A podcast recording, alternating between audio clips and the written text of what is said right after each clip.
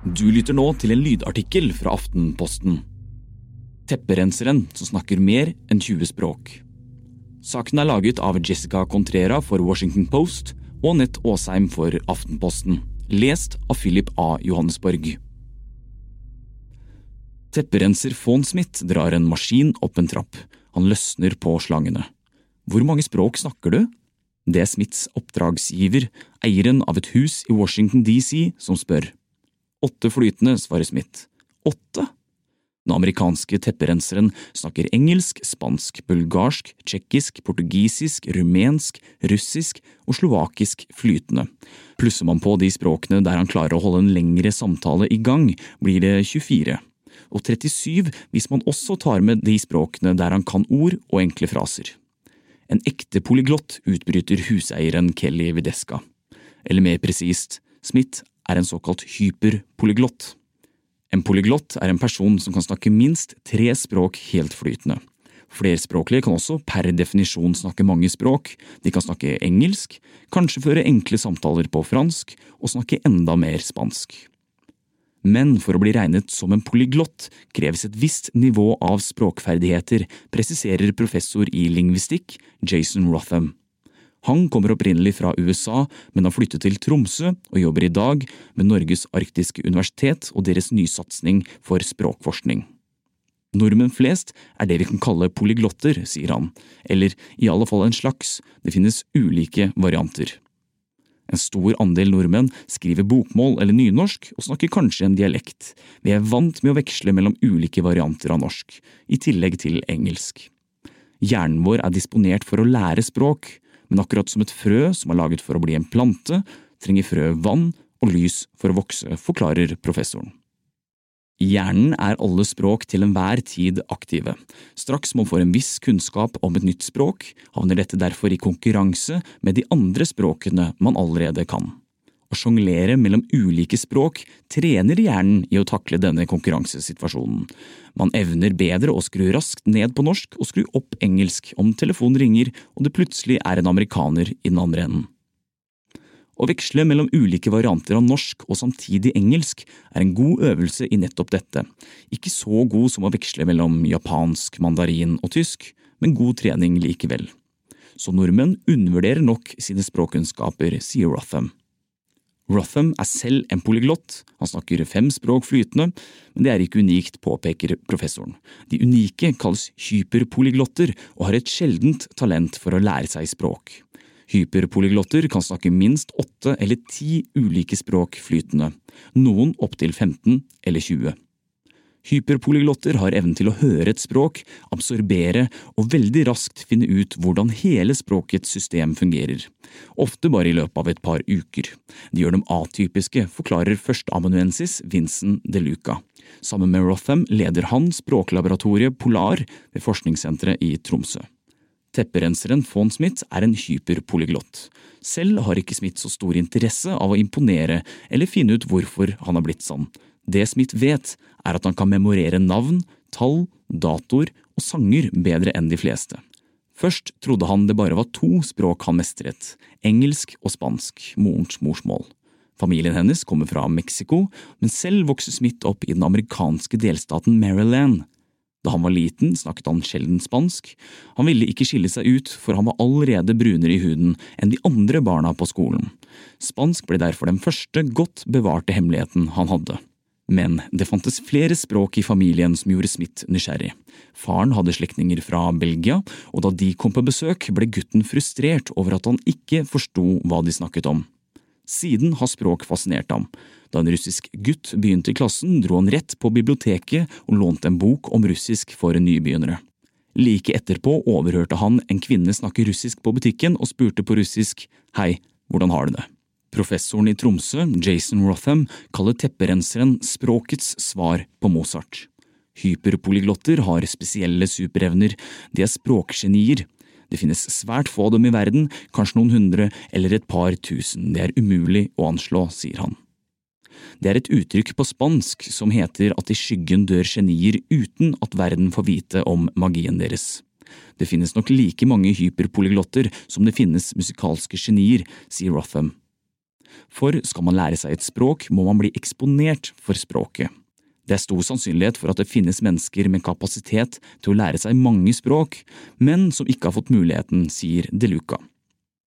Som barn slet Smith med å få seg venner. Moren tok ham med til en psykolog.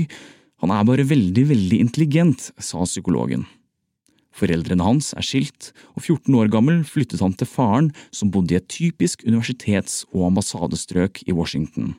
På skolen gikk det ungdommer fra hele verden, og Fawn Smith prøvde å lære seg så mange språk som mulig.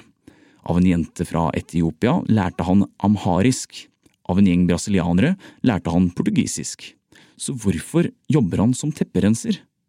Han ble oppfordret til å søke på en skole som utdannet legeassistenter, men kom ikke inn.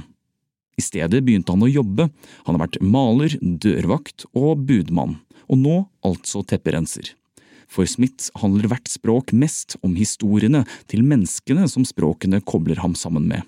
Da niesen hans sa hun likte ordet for kylling på urspråket salish, bestemte de seg for å lære seg språket. Nevroforsker Evelina Fedorenko ved Massachusetts Institute of Technology i Boston har studert hva som skjer i hjernen i møte med språk. Han fikk i oppdrag å skanne hjernen til Smith. Tenia un amig que este palma de Mallorca, sier Smith til forskerassistenten da han kommer inn på instituttets språklaboratorium. Hun snakker katalansk, Smith lærte det av en kamerat for 15 år siden. Han legger seg ned på en benk, kledd i blå sykehusskjorte og ditto bukser. Så blir han skjøvet forsiktig inn i den enorme maskinen. For å måle endringer i aktiviteten i hjernen bruker forskerne en såkalt funksjonell MR-undersøkelse, en FMRI-maskin. Ved hjelp av bildediagnostistikk kan maskinen måle aktivitet i de ulike delene av hjernen. Smith leser engelske ord, hører på språk han både kan og ikke kan. Hvert andre sekund tar maskinen et tredimensjonalt bilde av hjernen hans. Når språkdelene av hjernen aktiveres, bruker disse cellene oksygen, og på bildene kan man se blod strømme gjennom. Dermed kan forskerne se nøyaktig hvilken del av Smiths hjerne som brukes til å bearbeide språk han hører eller snakker. Sammenlignet med en som kan få språk, kan forskerne se at det er mye mindre aktivitet i de delene av hjernen som Smith bruker for å bearbeide språkene han kan. Smith trenger mindre oksygen for å bli transportert til språksentrene i hjernen når han snakker morsmålet sitt. Det forklarer den katalanske forskerassistenten Saima Malik Moraleda. Han bruker språket så mye at han er blitt veldig effektiv når det gjelder å bruke disse områdene i hjernen. Om Smiths hjerne har vært like effektiv bestandig, eller om anatomien hans har utviklet seg i takt med at han lærte seg mange språk som ung, kan ikke forskerne si med sikkerhet. Heller ikke forskerne i Tromsø har dette svaret, kanskje er det snakk om en mutasjon? Noe handler i alle fall om biologi, understreker Jason Rotham. For å klare å sjonglere mer enn åtte språk er det lett å se for seg at hjernen må jobbe på høygir, men for hyperpolyglotter er det motsatte tilfellet. Disse menneskene har helt klart en spesiell evne til å administrere flere ulike systemer på en veldig effektiv måte, men hvorfor er et åpent spørsmål, sier Rotham. Akkurat som Mozart er det stor sannsynlighet for at man er født med noen spesielle evner, men akkurat dette er noe av det vi definitivt ønsker å finne mer ut av og forstå bedre. Å studere de atypiske hjernene kan gi oss viktig kunnskap om de mer typiske, sier Rotham. For hvis dette handler om en spesifikk nevrokjemi, altså om det er en sammenheng mellom kjemiske prosesser i hjernen og nervecellenes funksjon, kan man begynne å forstå hva som virkelig må til for å gjøre det enkelt å lære seg et nytt språk.